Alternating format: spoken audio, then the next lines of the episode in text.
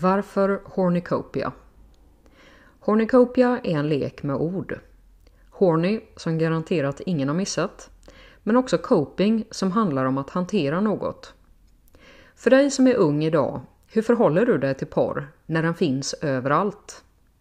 Vi badar alla i porrträsket, vare sig vi vill eller inte. Porr genomsyrar all populärkultur idag, men så har det inte alltid varit. Därför blir innehållet i kanalen mer allvar från min sida. Min åsikt är att porr skadar oss. Men mitt mål är aldrig att skamma dig. Jag vill få dig att tänka till. Jag utgår ifrån att du både kan och vill tänka själv. Blir du förbannad är det bra, för då får det dig att reflektera. Känner du dig bekräftad är det ännu bättre, för trygga människor gör bra val. Jag vill ge dig perspektiv som bara ett längre liv med fler erfarenheter kan ge. Perspektiv att aktivt välja den sexualitet som är rätt för dig.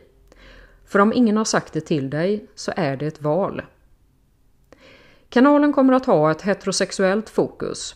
Det innebär inte att jag är homofob eller hbqt-analfabet utan att jag inte gör anspråk på att veta det jag inte vet. Jag vill hålla budskapet effektivt och därför beskriver jag det som jag har erfarenhet av. Mycket av det är garanterat överförbart oavsett regnbågskulör.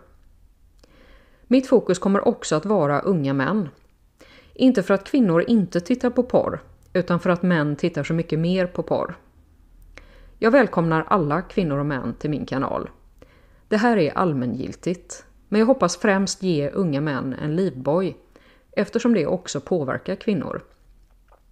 De antisociala individer som redan vet med sig att de inte bryr sig om någon annans känsloliv, de kan stiga av här. Den här kanalen är inte för er.